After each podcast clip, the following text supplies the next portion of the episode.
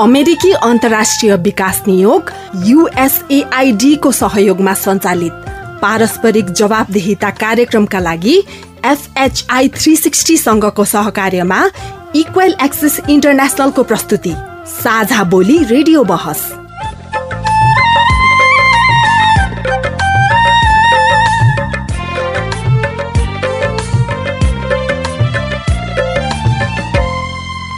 नमस्कार। साझा बोली रेडियो बहसमा तपाईँलाई स्वागत छ। म मनु। साझा बोली रेडियो बहसमा हामी नागरिक समाज आम संसार माध्यम र सार्वजनिक निकाय बीचको पारस्परिक जवाबदेहिता र आपसी दिगो सम्बन्धका विषयमा बहस गर्छौं।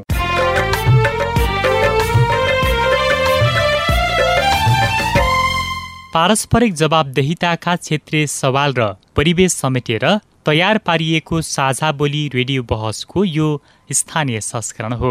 आजको साझा बोली रेडियो बहस रेडियो रेसुङका एक सय छ दशमलव दुई मेगाहर्सले उत्पादन गरेको हो। साझा बोली रेडियो बहसको यो श्रृङ्खला रेडियो मदन पोखरा पाल्पा र रेडियो देउराली अर्घखाँचीबाट पनि प्रसारण हुन्छ। जवाबदेहिताको राष्ट्रिय सवालमा नीति र कार्यान्वयनको समन्वय गर्ने साझा बोली रेडियो बहसको केन्द्रीय संस्करण इक्वेर एक्सेस इन्टरनेसनलले काठमाडौँमा उत्पादन गर्छ। साझा बोलीका दुवै संस्करणहरू तपाईँले हरेक हप्ता एकै समयमा सुन्न सक्नुहुन्छ।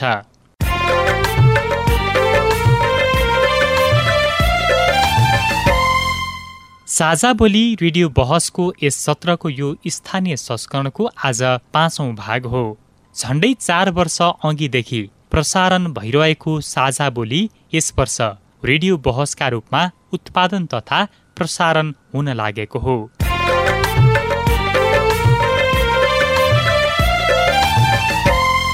साझा बोली रेडियो बहसको आजको भागमा हामी महिलाको प्रजनन स्वास्थ्य अधिकार र स्थानीय तहका कार्यक्रमका विषयमा बहस गर्छौं। पुरुषको तुलनामा सूचना आर्थिक स्रोत र परिवारको निर्णायक तहमा महिलाको पर्याप्त पहुँच नहुँदा विशेषतः ग्रामीण क्षेत्रका महिला स्वास्थ्य समस्याबाट बढी प्रभावित हुने गरेको पाइन्छ। महिलालाई अन्य स्वास्थ्य समस्याभन्दा प्रजनन स्वास्थ्य समस्याले बढी गाँजेको पाइन्छ। वास्तवमा आफ्नो त्यो प्रजनन सम्बन्धी अधिकार उनीहरूले प्रत्याभूति गर्न पनि सकेका छैनन् एउटा कुरा। त्यस्तै कार्यक्रममा महिलाको प्रजनन स्वास्थ्य सेवामा पहुँचका विषयमा तपाईँ सिधा प्रश्नको सिधा जवाफ पनि सुन्न सक्नुहुन्छ। जस्तो हामी प्रेग्नेन्सी भयो भने हाम्रो उसमा हस्पिटलमा व्यवस्था छैन। साथै महिलाको प्रजनन स्वास्थ्य अधिकार प्रत्याभूतिका लागि स्थानीय तहका कार्यक्रमका विषयमा पनि चर्चा गर्नेछौ। व्यवहार परिवर्तन गर्नुपर्छ जबसम्म हामीले व्यवहार परिवर्तन गर्न सक्दैनौँ तबसम्म यी अब कुराहरू कार्यक्रमहरू हामीले चाहिँ अति प्रभावकारी रूपले शत प्रतिशत रूपमा हामीले अगाडि बढाउन समस्या चाहिँ हुन्छ सर। साझा बोली रेडियो बहस अमेरिकी अन्तर्राष्ट्रिय विकास नियोग युएसएआइडी मार्फत अमेरिकी जनताहरूको सहयोगका कारण सम्भव भएको हो। यस कार्यक्रमभित्रका विषयवस्तु र सामग्री पारस्परिक जवाबदेहिता कार्यक्रमका एकल जिम्मेवारी हुन्। र यहाँ प्रस्तुत भनाइले युएसएआइडी वा अमेरिकी सरकारको विचार प्रतिबिम्बित गर्छन् भन्ने जरुरी छैन। रेडियो कार्यक्रम साझा बोलीमा तपाईँलाई फेरि स्वागत छ।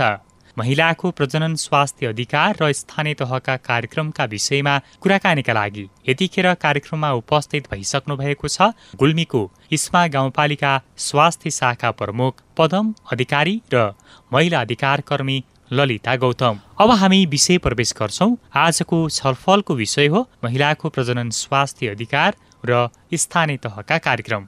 सबैभन्दा पहिले इस्मा गाउँपालिकामा प्रजनन स्वास्थ्य सेवाका विषयमा केही नागरिकहरूका कुरा सुनौ। आज खरो छलफल हुनेछ कान थापेर सुन्नुहोला।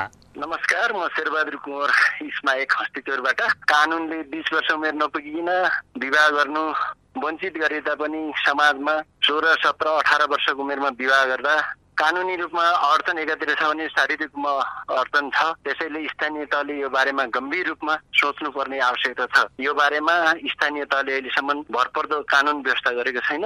त्यसमा गाउँपालिका वडा नम्बर मेरो पार्वता गौतम महिला स्वास्थ्य स्वयंसेवी अहिले फेरि भत्ता सत्ता छैन सर हामीलाई। हामीले कोभिडकोमा पनि पोहोर अब डाटा सङ्कलन गऱ्यौँ उसमा इन्डियाबाट कोकन आउनुभयो के के गर्नुभयो भनेर घर घरमा त्यसको कोभिडको बेलामा पनि गएर डाटा ल्यायौँ त्यसको पनि अब माथिबाट उसको दिनको पारिश्रमिक पन्ध्र सय भनेर तोकिदिनु भयो हामीले एक रुपियाँ पनि पाइएन पछि काट्यो भनेर स्थानीय सरकारबाट पनि अब त्यो भत्ता केही पाइएन।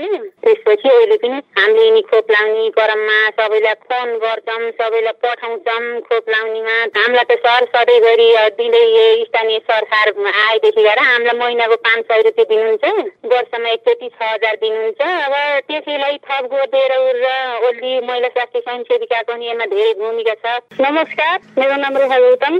इस्मा गाउँपालिका पाँच पुरी गाडे।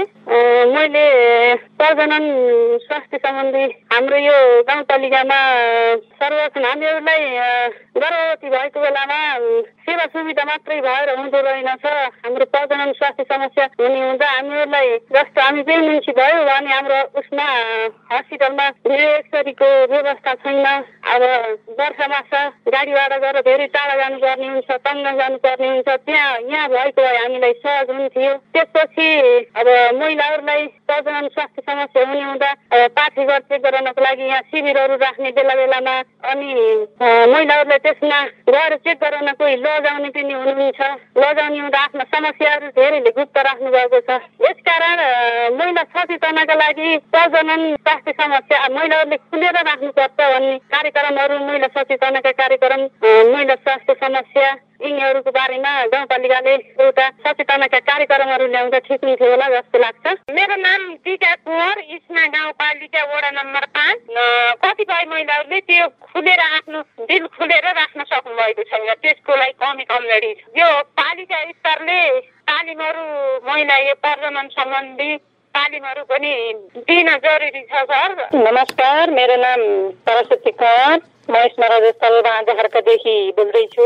सानो उमेरमा बच्चा जन्माउँदा बिहे गर्दा महिलाहरूको पाठेघर सम्बन्धी प्रजनन सम्बन्धी धेरै समस्याहरू आइपर्छ। त्यही गाउँठाउँमा वरिपरि छरछिमेकमा पनि बच्चा पुगिसकेकाले अस्थायी साधन प्रयोग गर्नलाई भन्नलाई हस्पिटलमा गएर अस्थायी साधन प्रयोग गर्नलाई मैले यस्तो साधन प्रयोग गर्छु तिन महिने सुई वा अरू केही चक्कीहरू खाएर गर्भ रोक्छु भनेर भन्न उहाँहरूले लाज मानेर हिचकिचाएर दुई तिन बच्चा भन्दा धेरै बच्चा जन्माएका पनि हुनुहुन्छ त्यो भन्न अप्ठ्यारो मानेर हिचकिचाएर लगाएर है त्यस्ता समस्याहरू गाउँमा अझै पनि छन्। किन यस्तो भयो त पदमजी? हो सर यो के छ भने हाम्रो यो महिला सचेतनाका कार्यक्रमहरू अब ग्रास रुटमा भनौँ न पब्लिक स्तरमा चाहिँ राम्रोसँग लान नसकेको अवस्था हो भन्नुपर्छ यसलाई सर। किनभने अब यो हामीले स्वास्थ्य कर्मीहरूलाई तालिम पाउँछौँ तालिम दिन्छौँ। तालिम त स्थानीय स्तरबाट भन्दा नि अहिले पहिला सङ्घीय सरकार संरचना थियो त्योबाट हामीले तालिम दिँदाखेरि कतिपय कुराहरू हुँदै नभएको त होइन। केही पर्सेन्ट त भएको छ। केही न केही सचेतनाको कार्यक्रम अगाडि बढेर महिलाहरू सचेत त हुनुहुन्छ नै। र पनि जति हुनुपर्ने थियो त्यो भएको छैन सर। यसलाई अलिक सुदृढ तरिकाले अगाडि बढाउनु पर्ने देखिन्छ ललिताजी तपाईँ चाहिँ के भन्नुहुन्छ यसमा? हुन त नेपाल सरकारले स्थानीय सरकार प्रादेशिक सरकार र संघीय सरकार बनाउँदै गर्दा र महिलाहरू सचेतनाबाट विमुख नहुने भन्ने हाम्रो कार्ययोजना सरकारले ल्याउँदै गर्दा अहिले पनि नेपालका महिलाहरू सचेतनाका कमले रोगले ग्रसित हुने एक भन्दा दुई भन्दा बढी बच्चा जन्माउनका लागि बाध्य हुने अवस्था गाउँठाउँमा देखियो। त्यसले गर्दाखेरि प्रशस्तै स्थानीय तहमा रकमहरू जाँदै गर्दा त्यहाँका शासकहरू भनौँ अथवा स्थानीय सरकार र सेवा प्रदायकहरूले पनि यसलाई मध्यनजर नगरेको बुझियो हजुर म पदमजीसँगै आउँछु। हामीले जनचेतनाको अझै पनि कमी रह्यो त्यसलाई चिर्नका लागि सकेनौँ होइन त? म्याडमले भनेको कुरो सहमत छु सर। किनभने स्थानीय सरकार त भनौँ तर यहाँ अलि विषय विज्ञहरूको भएको हो कि भन्ने चाहिँ आवाज भइरहेछ जस्तै महिलाका प्रजनन स्वास्थ्यका अधिकारका कुरा धेरै गर्ने गर्छौँ महिला अधिकारका धेरै गर्छौँ तर वास्तविकमा के छ भन्ने कुरोहरू हामीले चाहिँ त्यो ग्रासरुटमा नसकेको अवस्था चाहिँ पक्कै हो सर यो कार्यान्वयन हुने बाटो चाहिँ फरक फरक बाटो रहेछ कार्यान्वयनबाट अलिकन त्यो त ध्यान पुगेन कि भन्ने मेरो भनाइ हो सर। यो महिलाहरूलाई चाहिँ खास गरी गोपनीय र सुरक्षित साथ सेवा प्रवाह नभएर हो अथवा त्यो विश्वास पैदा गर्न नसकेर हो अझै पनि यो महिलाहरूले आफ्नो प्रजनन स्वास्थ्य सम्बन्धी कुराहरू चाहिँ लुकाएर बस्न बाध्य हुनुहुन्छ। यसमा चाहिँ ललिताजी तपाईँ चाहिँ के भन्नुहुन्छ? वास्तवमा हामी स्थानीय सरकारले गोपनीयतालाई कायम राख्न पनि सकेको छैन। महिलाहरूलाई पनि सचेतना दिनका लागि कार्यक्रम बनाएर लागिरहेको छैन। जबकि महिलाले म प्रजनन स्वास्थ्य सम्बन्धी मेरो अधिकार यो हो।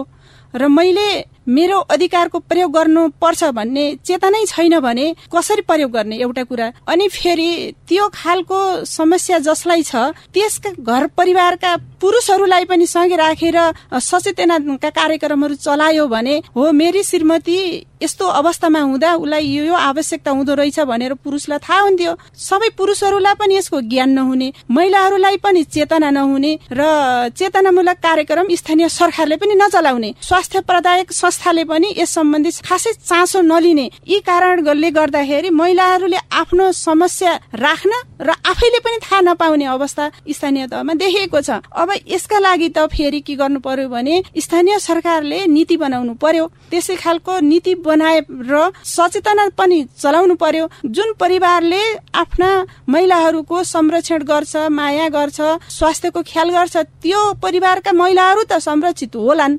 तर सबै गाउँका महिलाहरू त्यसै खालको वातावरणका छन् भन्ने छैन। जुन परिवारमा आजै सुत्केरी हुनैको दिन महिलाहरूले आफै पकाएर खान बाध्य हुने परिवार पनि त छ गाउँमा ती परिवारलाई मध्यनजर गरेर स्थानीय सरकारले कार्यक्रम बनायो भने नीति निर्माण गर्यो भने मात्रै महिलाहरू स्वास्थ्य रहन सक्छन् प्रजनन समस्याबाट अछुतो रहन सक्छन्। होइन भने त स्थानीय सरकारमा रकमहरू छ त्यो रकम फ्री जाँदै गर्ने स्थानीय नीति ऐनहरू नबनाउने र त्यहाँका महिलाहरू फेरि पीडित भइरहने र ती समस्याले सधैँभरि ग्रसित रहने यो अवस्था स्थानीय सरकारले गम्भीर भएर ध्यान आकर्षण गराउन हामी महिला अधिकार कर्मीहरूले चाहन्छौ। अब यो यस्ता खालका कुराहरू तपाईँसँग प्रशस्त बजेट पनि छ। अब त्यसलाई कार्यान्वयन गर्ने एउटा चरणमा तपाईँहरू एउटा त्यो पक्षमा हुनुहुन्छ त्यो सेवा प्रदायक ठाउँमा हुनुहुन्छ। तर यति हुँदाहुँदै पनि किन सकिएन त?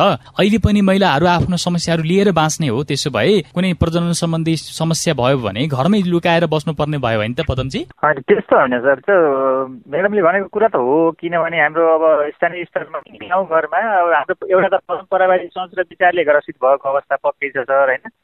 यसमा पनि अब सरकारले नगरेको त होइन। सरकारले गर्दा गर्दै केही त अहिले हाम्रो जस्तैले संस्थाको गरी हुने सङ्ख्या नै अत्याधिक छ घरमा हाम्रो चाहिँ सुत्केरी हुन त्यति चाहँदैन त्यो चेतनाको कमीको एउटा उदाहरण त हो नै सर।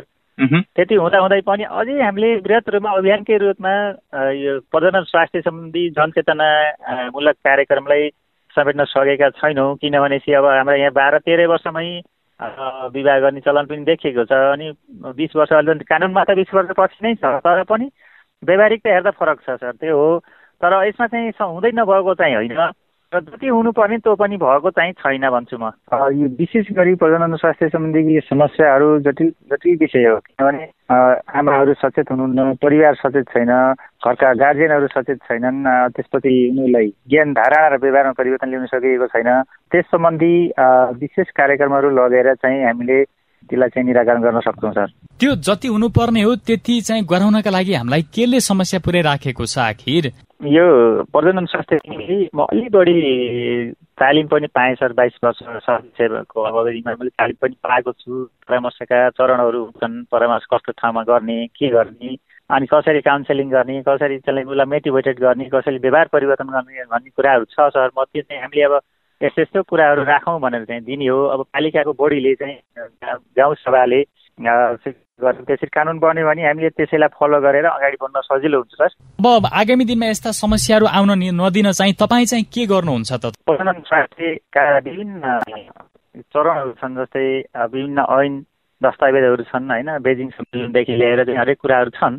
ती कुराहरूलाई पनि समेटेर गाउँसम्म आउँदो स्थानीय स्तरमा स्थानीय स्तरको महिलाहरूको हरेक स्ट्याटस हुन्छ अनि स्वास्थ्यको स्थिति हुन्छ हरेक त्यसलाई पनि मध्यनजर गर्दै कुन अवस्थामा कस्तो प्रकारको स्वास्थ्य नीति बनाउने कस्तो किसिमको कार्यक्रमहरू लैजाने र त्यसलाई प्रभावकारी बनाउने भन्ने कुरामा पहल गर्छु सर। भनेपछि अब सचेतनाका कार्यक्रमलाई पनि वृद्धि गराउने भन्ने कुरामा हामी सहमत भयौँ होइन त?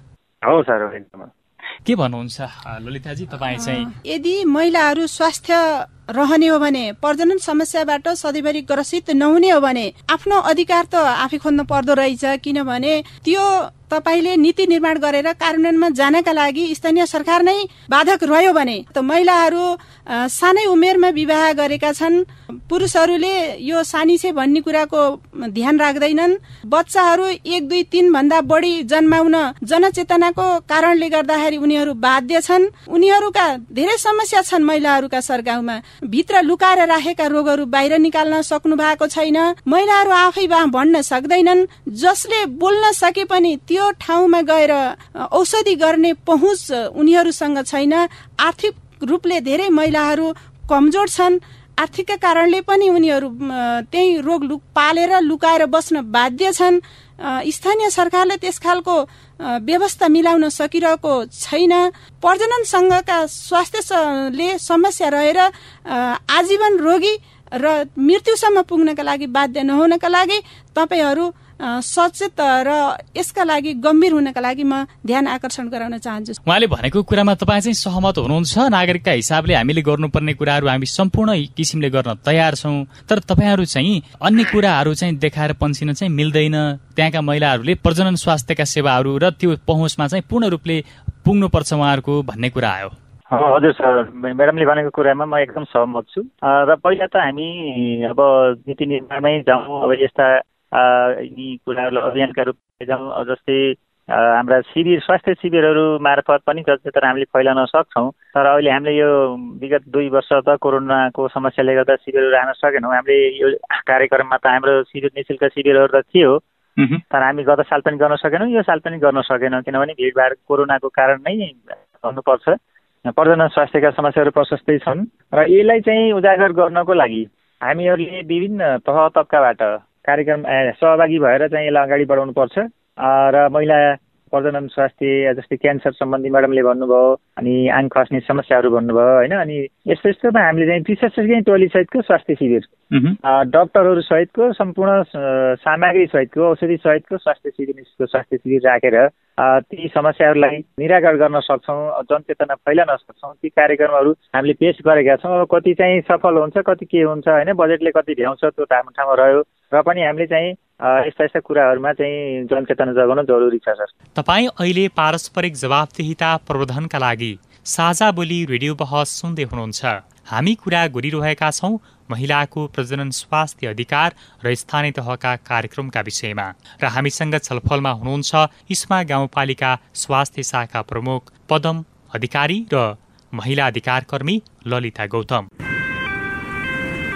विपत्ति बाजा बजाएर आउँदैन। गर्मीमा आग लागि डढेलो वर्षामा बाढी पहिरो भूकम्प कोरोना र अरू पनि।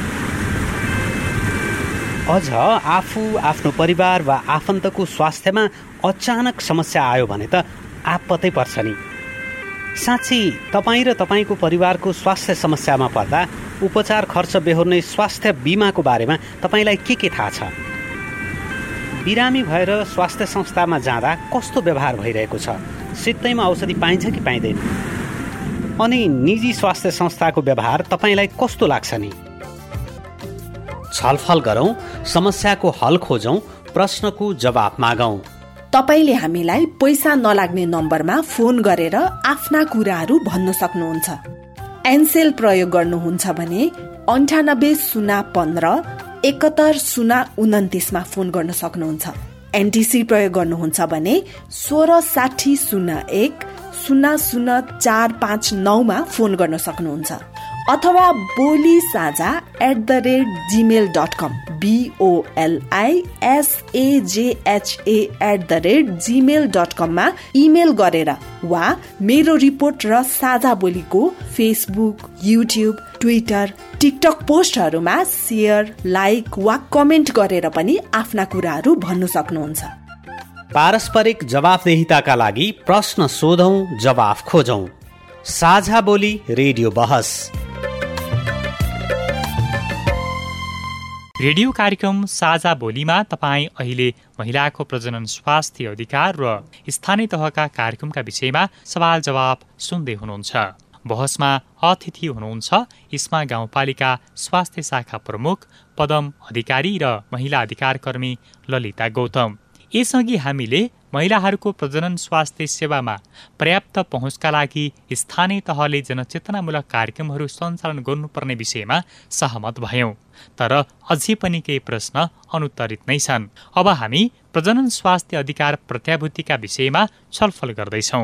संविधानमा महिलाको प्रजनन स्वास्थ्य सम्बन्धी के व्यवस्था गरिएको छ त? अधिवक्ता विष्णु बलालका कुरा सुनौ है त।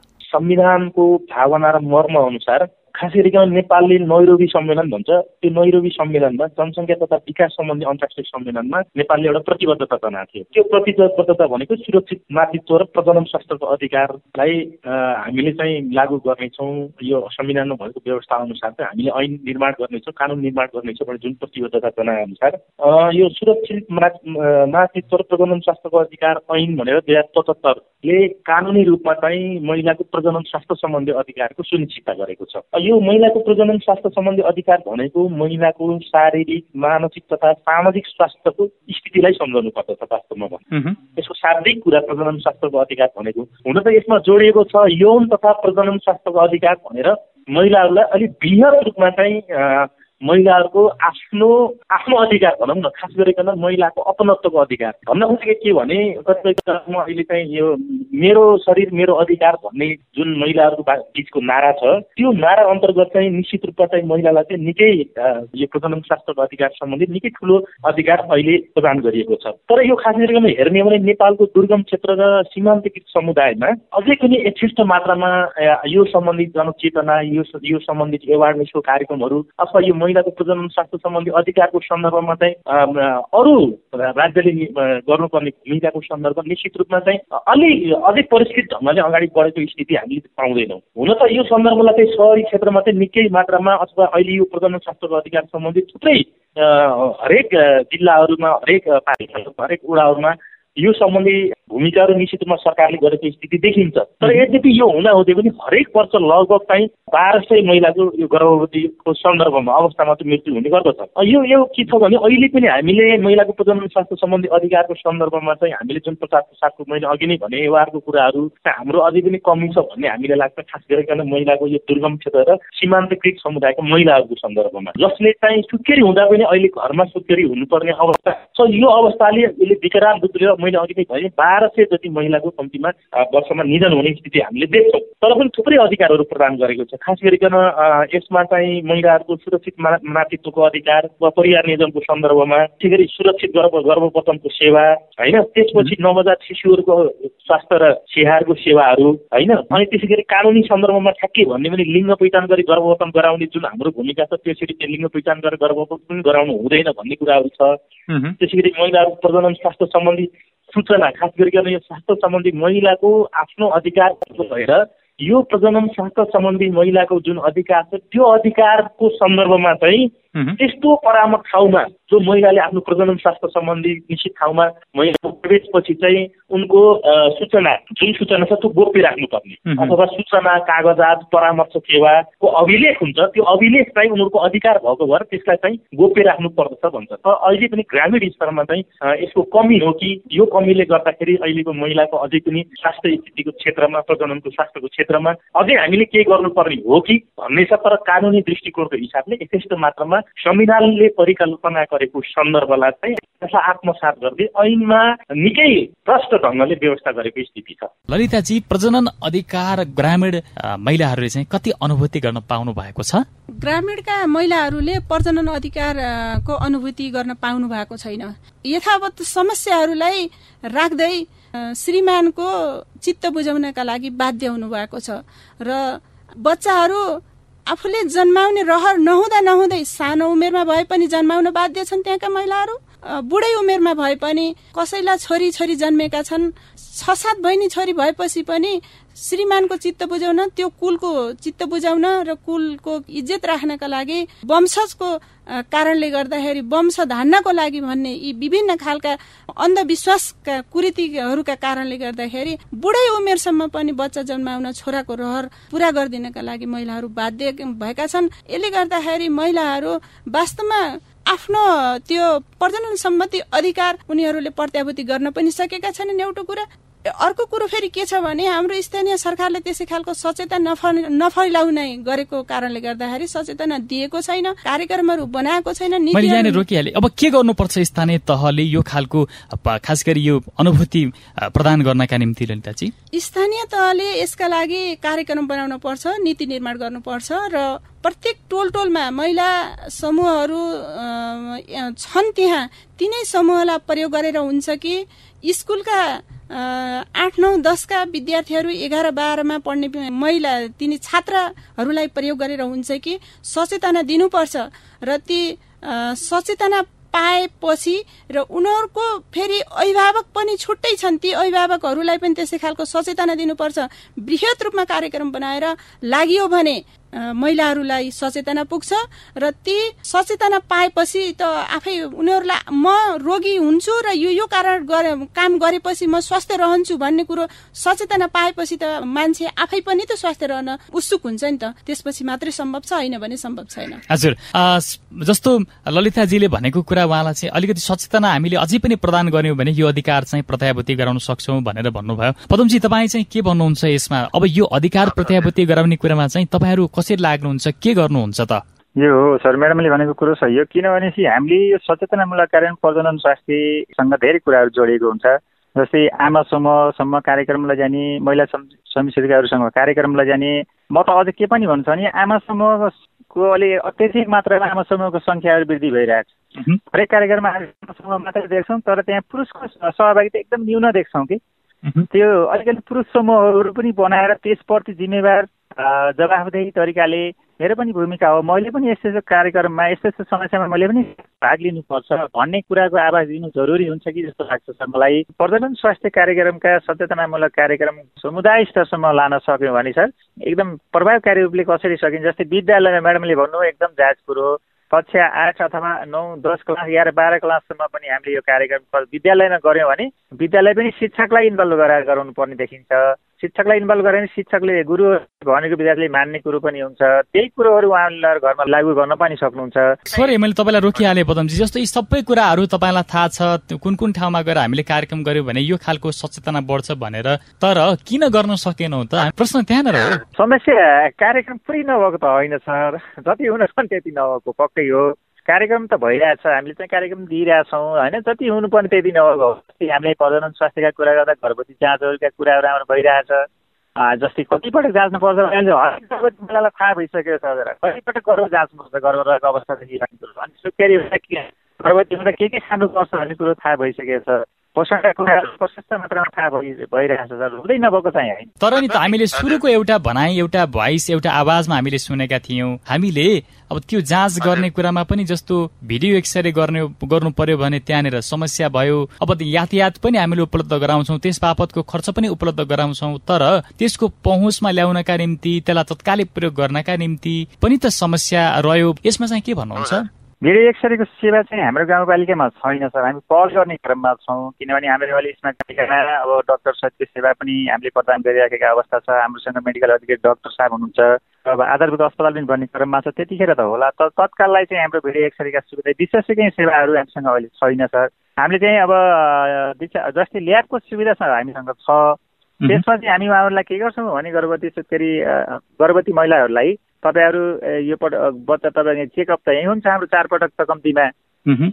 त्यसपछि तपाईँलाई यो भिडियो एक्सरेसम्म पुग्नुहोस् होइन अरू सुविधा सम्बन्ध ठाउँमा पुग्नुहोस् तपाईँको के कस्तो छ भनेर सल्लाह त्यसरी दिने गर्छौँ। भिडियो एक्सर्साइज जस्तै भन्नु हो यो राम्रो हो उहाँले यो कुरो ठिक हो। अनि यो महिला सम्बन्धी सचेतना कार्यक्रम लिनुपर्छ त्यो राम्रो हो उहाँको भोइस मैले पनि क्लियर बुझेँ। त हामी शिविरद्वारा चाहिँ यसलाई लिन सक्ने अवस्था रह्यो तत्कालको लागि सर अब तत्कालै अब कन्टिन्युटी रेगुलर सेवाको लागि त हामी चाहिँ अब अहिले तत्काललाई छैन सर। सोच चाहिँ छ। अब प्रत्याभूतिका लागि स्थानीय तहले आगामी दिनमा के गर्छ त? स्थानीय तहले चाहिँ सबभन्दा पहिले त यो प्रजनन स्वास्थ्यमा चाहिँ हामीहरूले सचेतनामूलक कार्यक्रम नै गर्नुपर्छ भन्ने लाग्छ सर मलाई। यसको लागि एउटा हामीले फोकस गर्नुपर्छ एउटा क्षेत्र भनेको विद्यालय क्षेत्र। विद्यालय क्षेत्र त्यसपछि गएर स्थानीय स्तरमा आमा समूह हुनुपर्छ। आमा समूह त्यसै जिम्मेवार व्यक्तित्वलाई पनि यसप्रति अब घर चाहिँ कार्यक्रममा सहभागी हुँदाखेरि हाम्रो आदर्शका कुरा गर्ने अनि म्याडमले भने चाहिँ घरमा गएर चाहिँ अलिक यो म्याडमले जुन कुरो राख्नु त्यो एकदम दयनीय अवस्था हो त्यो हाम्रो समाजमा घटेका घटनाहरू पनि हो। यस्तो चाहिँ अब चाहिँ पनि छ हाम्रो समाज। त्यसलाई पनि निराकरण गर्नलाई हामीले व्यवहार परिवर्तन गर्नुपर्छ जबसम्म हामीले व्यवहार परिवर्तन गर्न सक्दैनौँ तबसम्म यी अब कुराहरू कार्यक्रमहरू हामीले चाहिँ अति प्रभावकारी रूपले शत प्रतिशत रूपमा हामीले अगाडि बढाउन समस्या चाहिँ हुन्छ सर। भनेपछि व्यवहार परिवर्तन गराउने कुरामा चाहिँ अब तपाईँहरू लाग्नुहुन्छ। हो सर। एकदम हामीले परम्परावादी सोचलाई अलिकति केही हदसम्म व्यवहार परिवर्तनतिर लैजानुपर्छ सर हो।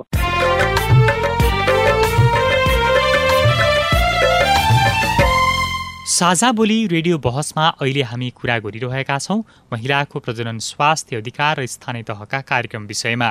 र हामीसँग छलफलमा हुनुहुन्छ इस्मा गाउँपालिका स्वास्थ्य शाखा प्रमुख पदम अधिकारी र महिला अधिकार कर्मी ललिता गौतम। यतिन्जेल हामी महिलाहरूलाई प्रजनन अधिकार प्रत्याभूतिका लागि जनचेतनामूलक कार्यक्रम सञ्चालन गर्दै पुरातनवादी सोचको निराकरण गर्नका लागि बानी व्यवहार परिवर्तन हुनुपर्छ भन्ने विषयमा सहमत भयौं। साझा बोली रेडियो बहसमा अझै हामी महिलाको प्रजनन स्वास्थ्य सेवामा पहुँचका लागि स्थानीय तहका नीति र कार्यक्रमका विषयमा कनिबोध छलफल गर्नेछौ। साझा बोली रेडियो बहस सुन्दै गर्नुहोला।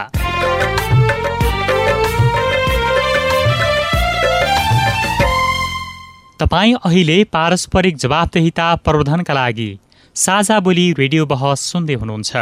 हामी आज महिलाको प्रजनन स्वास्थ्य अधिकार र स्थानीय तहका कार्यक्रम विषयमा सवाल जवाब गरि नै रहेका छौँ। बहसमा अतिथि हुनुहुन्छ इस्मा गाउँपालिका स्वास्थ्य शाखा प्रमुख पदम अधिकारी र महिला अधिकार कर्मी ललिता गौतम। यसअघि हामीले महिलाहरूको प्रजनन स्वास्थ्य अधिकार प्रत्याभूतिका विषयमा छलफल गर्यौं अब प्रजनन स्वास्थ्य सेवामा पहुँचका लागि स्थानीय तहका नीति र कार्यक्रमका विषयमा छलफल गर्दैछौ। यी सबै कार्यक्रमहरू सञ्चालन गर्नका लागि स्थानीय तहलाई अहिलेसम्म रोकेको चाहिँ केले हो त?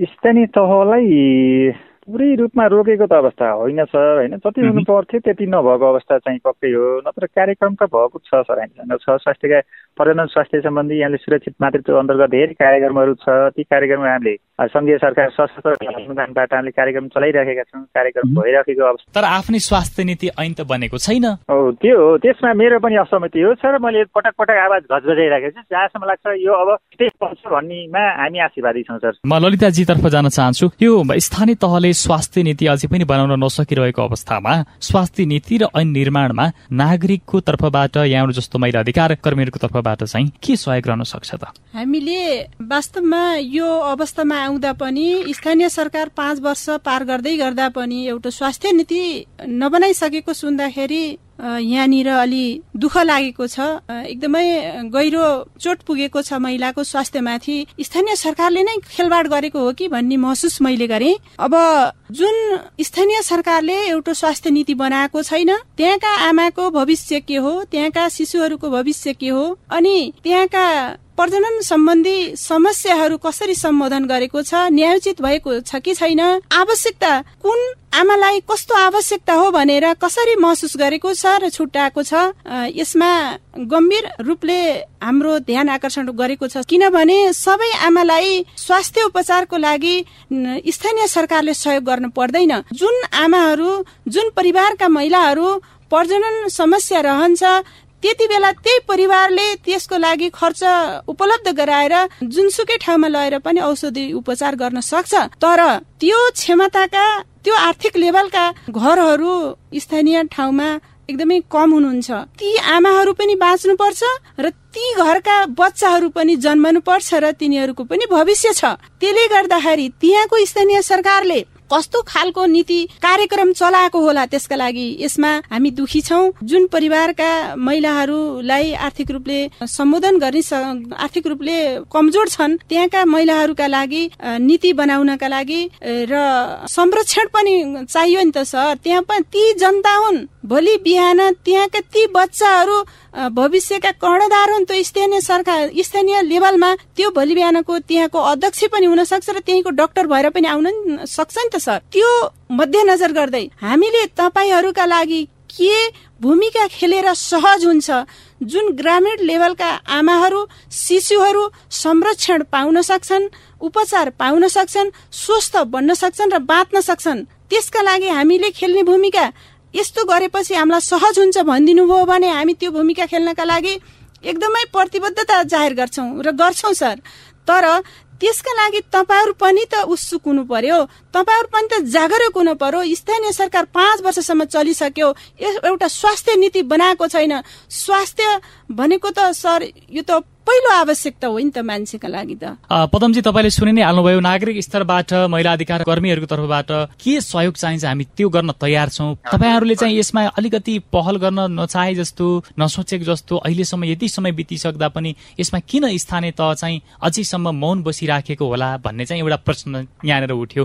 अब यसमा यो समस्यालाई समाधान गर्नको लागि आफ्नै स्वास्थ्य नीति निर्माण गर्नको लागि तपाईँले आफ्नो तर्फबाट के गर्नुहुन्छ? हजुर हजुर सर धन्यवाद। यो चाहिँ म्याडमले भने जस्तो चाहिँ स्थानीय स्वास्थ्य नीति नबने पनि हाम्रो कार्यक्रमहरू चाहिँ नभएको अवस्था छ होइन सर। किन हामीले सङ्घीय कानुनलाई फलो गरिरहेका छौँ होइन। सङ्घीय सरकारले हामीलाई सशर्त अनुदानमा यो यो कार्यक्रम पर्यटन स्वास्थ्यमा यो यो कार्यक्रम गर भनेर बजेट विनियोजन गरिदिएको हुन्छ। त्यही अनुसार हामीले सुरक्षित मातृ कार्यक्रम गरेका हुन्छौँ अनि त्यसले चाहिँ आमा तथा नवजात शिशुको मृत्युदर कम गर्नको लागि विभिन्न कार्यक्रमहरू चलाएको हुन्छ। त्यसैलाई फलो गरेर त्यसैको नीति नियममा बसेर हामीले सङ्घीय सरकार कानुनलाई मानेर कार्यक्रम बढाइराखेका हुन्छौँ। त्यसमध्ये हामीले जस्तै गर्भवती सुत्केरी महिलाहरूलाई यातायात खर्चहरू दिन्छौँ उत्प्रेरणा भत्ताहरू दिन्छौँ। अनि त्यसपछि स्वास्थ्य संस्थामा सुत्केरी तथा नवजात शिशुहरूलाई न्यानो जला वितरण गर्ने गर्छौँ सर होइन? स्वास्थ्य संस्थामा सुत्केरी प्रसुति हुन आउनेलाई वितरण गर्छौँ। अनि त्यसपछि न्यानो झोलाभित्र त्यसमा आमाले लाउने मेक्सीदेखि लिएर बच्चा ल्याउने भोटाहरू टपीहरू त्यो सेटहरू तयार पारिया हुन्छ। भन्दाखेरि न्यानो झोला भनिन्छ त्यसभित्र कपडाहरू राखिया हुन्छ। त्यसै गरी सर क्याल्सियम अनि त्यसपछि अक्सिटोसिन जुन ब्लिडिङ डेलिभरीको बेलामा ब्लिडिङ भएर जान्छ अक्सि अक्सिटोक्सिन इन्जेक्सनहरूको व्यवस्था गरेका हुन्छौँ। क्याल्सियम क्याल्सियमको व्यवस्था गरेका हुन्छौँ अनि अहिले त हामीले सङ्घीय सरकारले नै लागु गरे मातृ सुरक्षा चक्की पनि हामीले अब लागु गरिराखेका छौँ। त्यो पनि हामीले व्यवस्था गरेका हुन्छौँ सर। त्यसै गरी यातायात खर्च त भइहाल्यो। यातायात खर्च हामीले दिन्छौँ। यातायात खर्च पनि प्रति महिला रु दुई हजार दिइन्छ पाहाडको सन्दर्भमा रु दुई हजार पाउँछ र गर्भवती जाँच प्रोटोकल अनुसार चारपटक गर्भवती जाँच गराएको छ भने आठ सय पाउँछ। त्यसरी अट्ठाइस सय प्रति महिला अट्ठाइस सय पाउँछ। त्यो चाहिँ सङ्घीय सरकारबाट पाउँछ सर। सर सङ्घीय सरकारको चाहिँ कानुन अनुसार हामीले त्यसरी दिइरहेछौँ। बाँकी चाहिँ फेरि स्वास्थ्य संस्थालाई स्वास्थ्य संस्थाले पनि त्यस्तो प्रजनन स्वास्थ्यलाई केही मेन्टेनेन्स गरोस् केही अत्यावश्यक चिजहरू किन्छ भने स्वास्थ्य संस्थालाई पनि एउटा डेलिभरी भए बापत हामीले हजार रुपियाँ दिने गरेका छौँ सर। यो सङ्घीय सरकारकै कार्यक्रम हो। र हामीले पुरै हाम्रो पालिकाभित्र पिएनसी होम भिजिट भन्छ सुत्केरी घरभेट कार्यक्रमहरू पनि हामीले चलाएका छौँ। योभन्दा पहिले कोसेली सहितको सुत्केरी जनप्रतिनिधि सहित कोसेली सहितको घर भेट कार्यक्रम थियो। अहिले यो फेरि सङ्घीय सरकारले नै यो कार्यक्रम लन्च गरेको हुनाले त्यो कसैले सहित अहिले छैन। जस्तै दुई सय बराबरको फलफुल अथवा केही लाई पोषक तत्त्व भएको खानाहरू किनेर लगिदिने र जनप्रतिनिधि पनि जाने स्वास्थ्य कर्मी पनि गएर त्यसको स्वास्थ्य चेक जाँच गर्ने कार्यक्रम पनि हामी इस्मा गाउँपालिकाले चलाइराखेका छौँ सर। त्यो चलिरह। त्यसै गरी अब यो यो पिएनसी होम भिजिट भन्छ सुत्केरी घर घर भेट सुत्केरी घर भेट भन्छ। यसमा चाहिँ हामीले के गर्छौँ भने सुत्केरी त स्वास्थ्य संस्थामा नै हुन्छ। त्यसपछि त्यहाँ हामीले चेक जाँच गर्छौँ सुत्केरी बच्चा नवजात शिशु र सुत्केरी आमाको चेक जाँच गर्छौँ। त्यसपछि तिन दिनमा गर्छौँ त्यसपछि सात दिनमा गर्छौँ। घर भेट गई हाम्रो नर्सिङ स्टाफहरू खटिने खटिराख्नु भएको छ। र उहाँहरूलाई पनि अहिले केही प्रोत्साहनको इन्टेन्सिभको व्यवस्था सरकारले गरेको छ सङ्घीय सरकारले। त्यसरी चाहिँ उहाँ यसको उद्देश्य के हो भने सर आमा र नवजात शिशुको स्वास्थ्यमा सुधार ल्याउनु र मृत्युदर कमी गराउनु हो। त्यो छ। अनि त्यसपछि जनशक्तिको व्यवस्था पनि गरेको छ सर। हाम्रो जस्तै के छ भने प्रत्येक हाम्रोमा पाँचवटा बर्थिङ सेन्टर छ। पाँचवटा बर्थिङ सेन्टरमा अब सङ्घीय सरकारले त थोरै थोरै बजेट दिन्छ। स्थानीय तहले चाहिँ जनशक्तिको व्यवस्थापन गरेको छ जस्तै नर्सिङ बर्थिङ सेन्टरका जनशक्ति व्यवस्थानलाई तलबको व्यवस्था गरेको छ।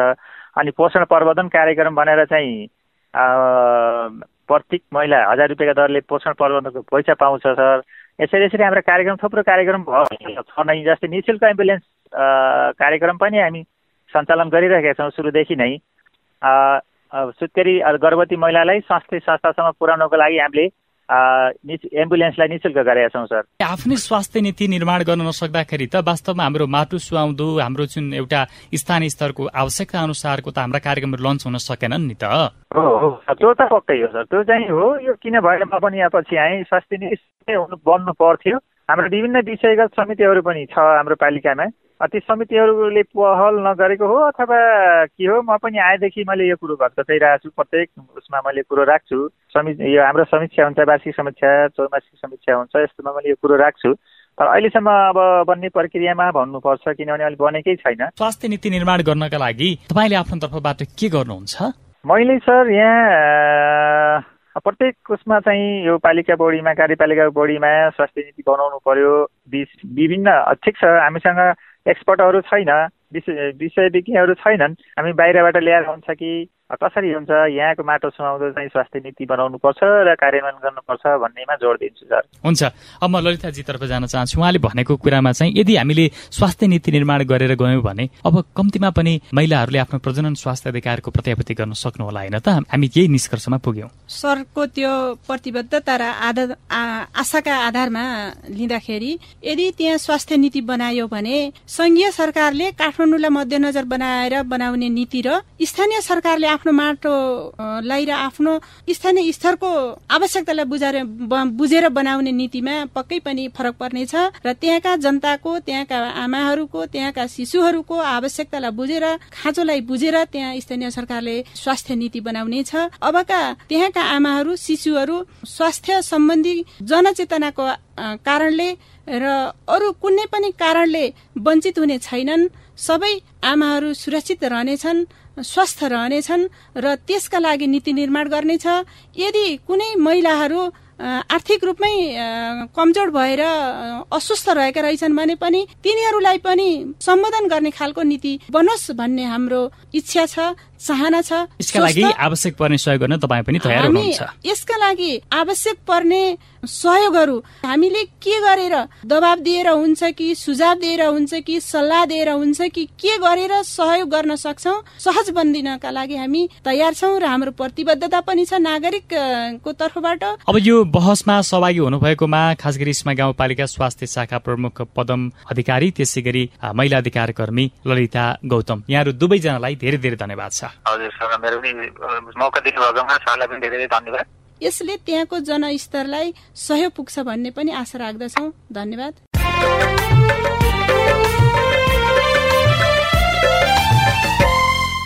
हामी साझा बोली रेडियो बहसको अन्त्यमा आइपुगेका छौँ। साझा बोली रेडियो बहसबारे मनका कुरा भन्नका लागि एनटिसीको मोबाइल वा ल्यान्डलाइन फोन प्रयोग गर्नुहुन्छ भने सोह्र साठी शून्य एक शून्य शून्य चार पाँच नौमा फोन गर्न सक्नुहुन्छ। एनसेल प्रयोग गर्नुहुन्छ भने अन्ठानब्बे शून्य पन्ध्र एकहत्तर शून्य उनातिसमा फोन गर्नुहोला। यी नम्बरहरूमा फोन गरेको पैसा लाग्दैन र प्राप्त निर्देशन अनुसार प्रश्न सोध्न सकिन्छ।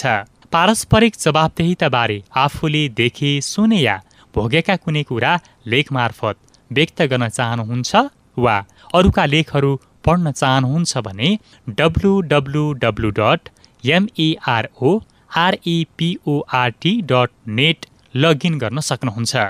साझा बोली रेडियो बहस तपाईँले मेरो रिपोर्ट वेबसाइट पोडकास्ट च्यानल र सामाजिक सञ्जालहरूमा पनि सुन्न सक्नुहुन्छ।